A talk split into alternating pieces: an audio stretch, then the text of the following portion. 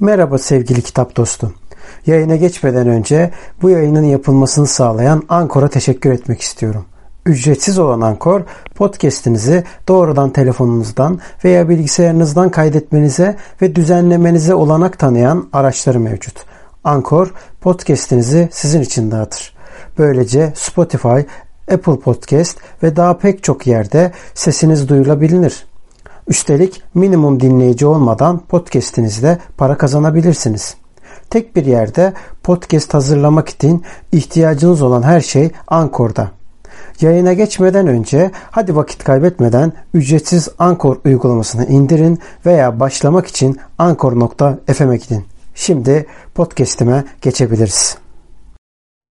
Merhaba sevgili dostlar. Ben Namı Değer Kitap Dedik. Bu bölümde size bir çocuk kitabının bana hissettirdiklerini anlatacağım. Yapı Kredi Yayınları tarafından 2015 yılında basılmış olan kitap İnan Çetin ve Mustafa Delioğlu tarafından derlenmiş. Kitabımızın adı Şahmarın ile Lokman Ekim'in hikayesi. Bakmayın siz çocuk kitabı olarak basıldığını. Aslında Şahmarın ile Lokman Ekim'in hikayesi bir halk hikayesi. Hem de öyle güçlü bir halk hikayesi ki Mersin'in Tarsus ilçesinden tutun da ta Çin'e kadar halk hikayesinin detaylarına girmeden önce çocuk kitabının içindeki hikaye nasıl kısaca bir ona bakalım. Böylelikle bizi etkileyen karakterlerin derinliklerine inmiş olalım. Bir zamanlar Lokman Hekim isminde bir hekim yaşarmış. İnsanlardan uzaklaşıp ormanın içinde ölümsüzlüğün çaresini aramaya başlamış. Bitkileri tek tek incelerken bir bakmış ki bir yılanın üstünde bir ot parçası. Bu otun ölümsüzlüğe çare olduğunu bir şekilde anlamış hekim. Eline aldığı zaman ot her şeyi anlatmaya başlamış. Bunları hemen bir deftere yazmaya başlamış bizim hekim. Neredeyse bir defter bitmiş ki en sonunda yazdıklarıma tekrar şöyle bir bakayım derken gökyüzünde bir simurg kuşu belirmiş. Bu simurg kuşunun hedefinde tabii ki bizim defter. Defterin dibine kadar gelip kanadını bir vurmuş ki bizimkinin elinde sadece 3 yaprak kalmış. Geri kalan sayfaların hepsi nehirden aşağı kaybolup gitmiş. Lokman Hekim koşa koşa eşinin yanına gitmiş. Elinde 3 tane sayfayı gösterip başından geçenleri bir bir anlatmış. Sonra da bu 3 sayfayı nasıl saklaması gerektiğini anlatmış. Ama daha sonra kederden yatak döşek hasta olmuş ve kısa bir zaman sonra vefat etmiş. Oğlu ise öksüz kalmış. Yıllar geçmiş aradan. Oğlu büyümüş. Meraklı bir çocukmuş kendisi de. O da ölümsüzlüğün çaresini aramaya koyulmuş. Tesadüf işte. Gel zaman git zaman bizimki iş aramaya koyulmuş. Oraya gidiyor iş için yok. Buraya gidiyor yok. En sonunda bir tane esnafa gidiyor. Esnafa diyor ki ben diyor ne iş olsa yaparım. Adam da dönüyor. Benim işlerim çok kötü. Uzun zamandan beri de satış yapmıyorum. Sen satış yapabilir misin diyor. O da diyor ki yaparım. Aradan zaman geçiyor. Aylar geçiyor. Hiçbir satış yok. Bir tane bile satış olmamış. Elinde bizim çocuk bir çubuk başlıyor toprakla oynamaya. Bir bakıyor ki bir yılan peşine takılıyor. Yılan bir delikten içeri giriyor. Kazma küreği alıyor bizimki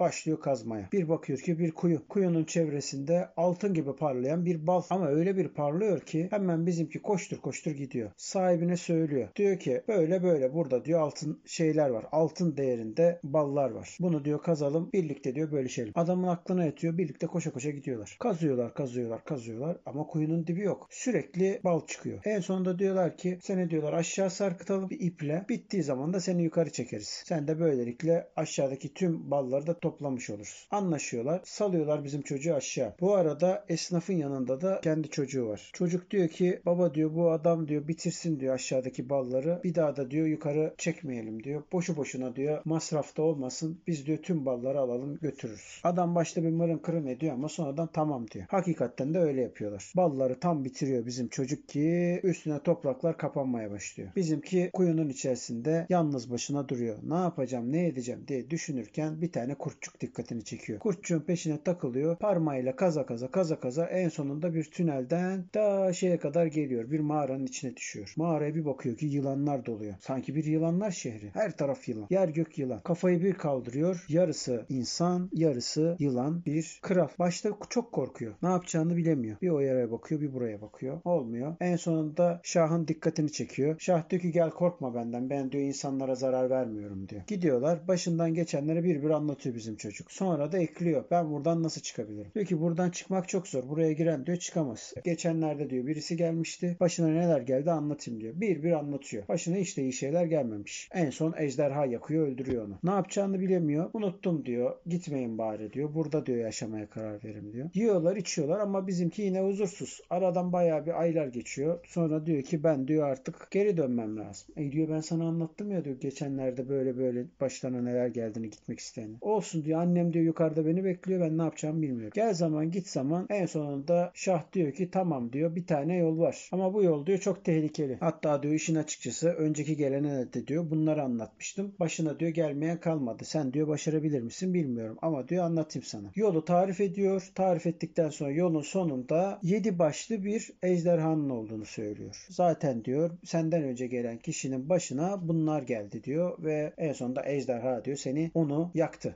Bizimki şaşırıyor. Ne yapacağım acaba diyor. Yine bir tereddüt sonra ama diyor ki bir şekilde geçerim. Neyse gel zaman git zaman vedalaşıyorlar. En sonunda bizimki yola koyuluyor. Şahmaran'ın dediklerine uyuyor. Bir şekilde 40 tane macera sonunda o ejderhanın karşısına geliyor. Ejderhanın oraya geldiği zaman ejderha ateşi bir püskürtüyor. Bizimki çok korkuyor. Ne yapacağım diye az daha yanacaktım diyor. Sonra kendi başına geleni ejderhaya anlatıyor. Ejderha susuyor. Onu dinliyor ve en sonunda kapıları açıyor. Açıyor ki arkada başka bir kale. Kalede de bir kral var. Kral diyor ki sen niçin geldin? Başından gelenleri. Yine en başından anlatıyor. En sonunda kral diyor ki e, tamam diyor gidebilirsin ama senden bir şartım var. Ama bunları söylerken de o kadar hasta ki ne olacağını bilmiyor. Ben diyorsa buna nasıl yardımcı olabilir? Kral diyor ki Şahmaran'ın diyor bana yerini söylersen eğer ben de sana diyor çıkış yolunu gösteririm. Bizimki hiç düşünmeden söylüyor. Hemen gidiyorlar. Oraya bir süt koyuyorlar. Sütün kokusunu duyan yılanlar ve Şahmaran geliyor ama sütlerin hepsi zehirli. Şahmaran da bayılıyor. Götürüyorlar Şahmaran'ı. Sonra da kralın hastalığına iyi gelecek ilacın Şahmaran'ın üç etinden bir kısmı olduğunu söylüyorlar. Büyücülerden bir tanesi tam hamle yapacak ki Şahmaran eğiliyor çocuğa diyor ki sen hainlik ettin diyor ama diyor ben seni diyor satmayacağım. O yüzden diyor beni diyor şimdi üçe bölecekler öldürüp ilk diyor bir köpük çıkacak o diyor zehirli köpüktür sakın ondan içme. Israr etseler bile içme. Ayrıca beni kesen de sen olma başkası kessin. İkinci köpüğü içersen diyor o diyor Lokman hekimlik gelecek sana diyor. Artık ölümsüzlüğün çaresini bulacaksın. Üçüncüyü de diyor içen olursa diyor o da diyor şeyin şifası olacak. Kralın şifası olacak. Böylelikle diyor seni diyor serbest bırakacak. Hainlik yüzünden bizim çocuk çok mahcup kafasını eğmiş vaziyette başka çarem yoktu deyip dediklerini harfiyen yerine getiriyor. İlk köpüğü içen zehirlenip ölüyor. İkinci kendi içiyor. Lokman hekim oluyor. Üçüncüyü de krala içiriyorlar. Şifa buluyorlar. Sonra öbür dünyaya tekrardan yeryüzüne geri dönüyorlar. Kral verdiği sözü tutuyor. Annesine bir bakıyor ki anne yatak döşek hasta. Oğlum diyor bu zamana kadar neredeydin? Başından geçenleri tek tek anlatıyor. Bizim Lokman Hekim en sonunda artık Lokman Hekim olduğu için elindeki otlardan annesine bir şifa ilacı yapıyor. Annesi ertesi gün hiçbir şey olmamış gibi tekrar canlanıyor. Böylelikle masalımız burada bitiyor. Peki gerçekte bu hikaye nasıl? Aslında birçok versiyonu var. O kadar çok versiyonu var ki zaten bir kere e, yılanın olması ayrı bir e, mesele. Neden? Çünkü yılanlar insanlık tarihi boyunca hatta o kadar ki atlar, köpekler, kedilerin tarihinden bile daha eski olarak insanlığın tarihinde yer alıyorlar. Bir kere İslam mitolojisinde hatta dinler mitolojisinin tamamında cennetin bekçisi olarak duruyorlar yılanlar. 4 metre, 5 metre, bazıları 30 metre, 40 metre o kadar uzun cennetin bekçisi olarak duruyorlar. Mezopotamya'nın e, bulunduğu bölgeye cennet bahçesi deniliyor. O bahçenin kapılarında bekçi olarak duruyorlar. Ama daha sonra aradan zaman geçiyor. Adem'le Havva'nın cennetten kovulmasına vesile olan şeytana yardımda bulunuyorlar ve yılan süliyetine giren şeytan önce Havva'yı sonra Adem'i kandırıyor. Dolayısıyla da burada da bir e, ilk lanetli hayvan olarak geçiyor. Ama en önemlisi ve burada da aslında çeşitli yönlerden anlatılan hikayene baktığımız zaman yılan ölüm ve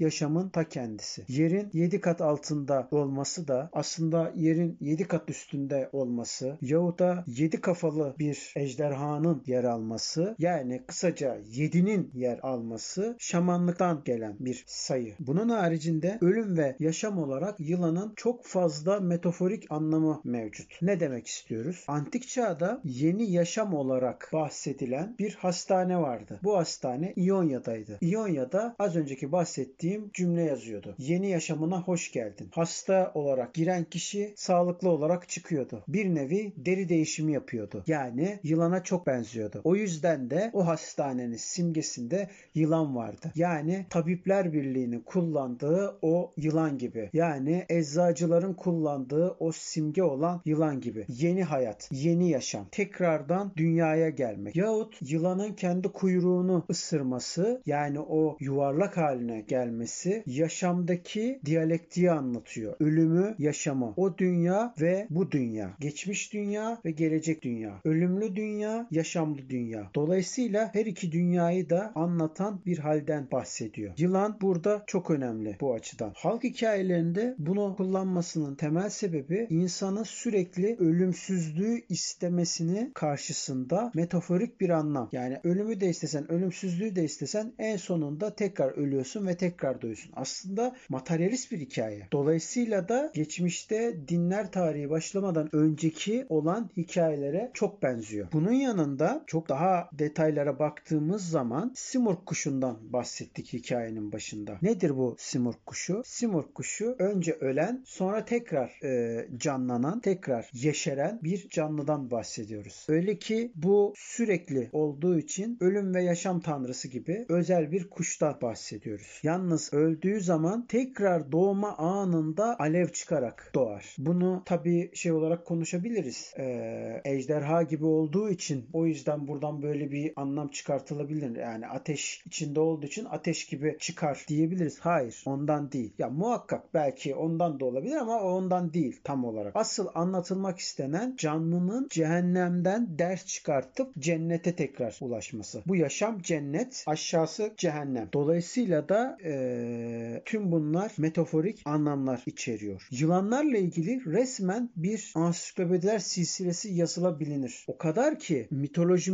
mitolojinin yanında halk hikayelerinde de ciddi bir karşılığı bulunmakta. Ege Üniversitesi Sosyal Bilimler Fakültesinden 2019 yılında bir yüksek lisans tezi yazılıyor. Bu yüksek lisans tezinin konusu Anadolu sahası masal efsanelerine, masal efsanelerinde pardon, yılan ve şahmaran. Seda Gedik'in yazmış olduğu bir bitirme tezi bu. Pardon özür diliyorum. E, yüksek lisans tezi. Dolayısıyla da orada hepsini tek tek anlatıyor. Meraklılar buraya bakabilir. Bizim bugünlük anlatacaklarımız bu kadar. Daha sonraki yayınlarda görüşmek üzere. Hoşça kalın, dostça kalın, kitapla kalın ve aynı zamanda podcast haricinde Instagram adresimiz olan Kitap Dedektifi sayfamızı ve kitapdedektifiyiz.blogspot.com sayfamızı ve ayrıca diğer kanallardaki YouTube aynı isimde yer alan YouTube kanalımızı takip edip bize yorumlar yazabilirsiniz. Görüşmek üzere.